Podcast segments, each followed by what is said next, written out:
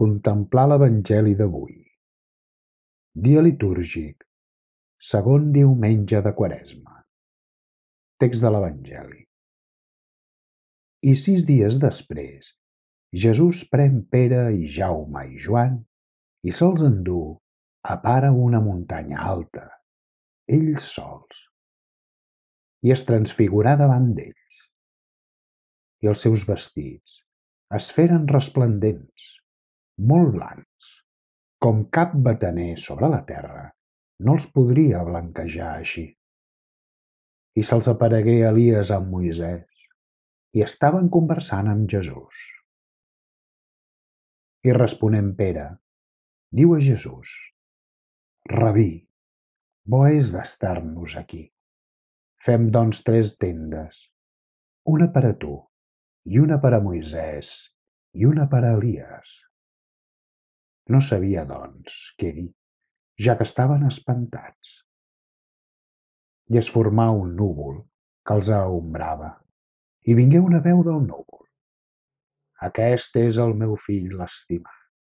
Escolteu-lo. I tot d'una, mirant a tot el voltant, no veieren ningú més que Jesús sol amb ells. I mentre baixaven ells de la muntanya, els ordenà que no contessin a ningú les coses que havien vist, fins que el fill de l'home hagués ressuscitat d'entre els morts.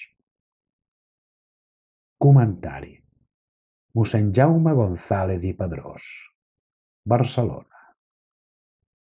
I es transfigurà davant d'ells.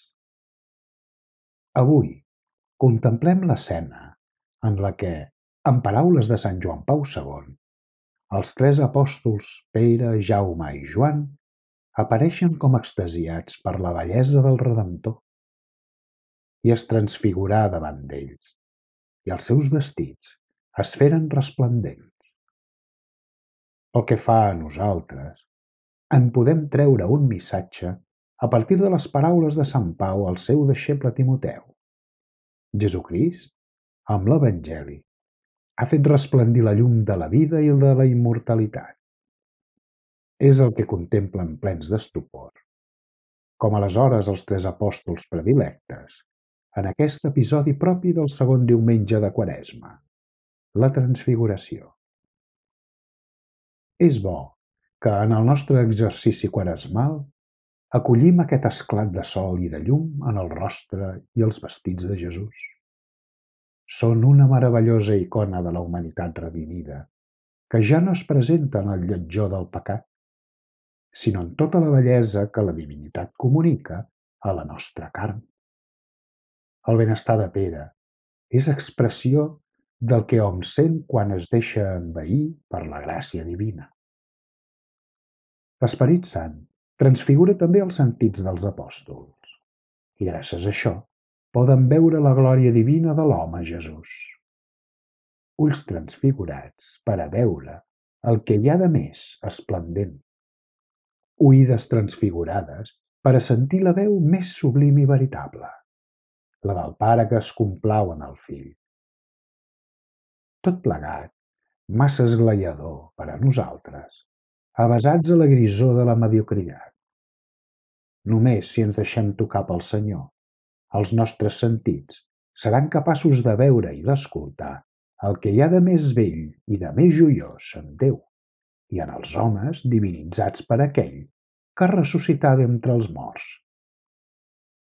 Sant Joan Pau II va escriure L'espiritualitat cristiana té com a característica el deure del deixeble de configurar-se cada cop més plenament amb el seu mestre. De tal manera que a través d'una assiduïtat que podríem anomenar amistosa, arribem fins al punt de respirar els seus sentiments. Posem en mans de Santa Maria la fita de la nostra vera transfiguració en el seu fill Jesucrist.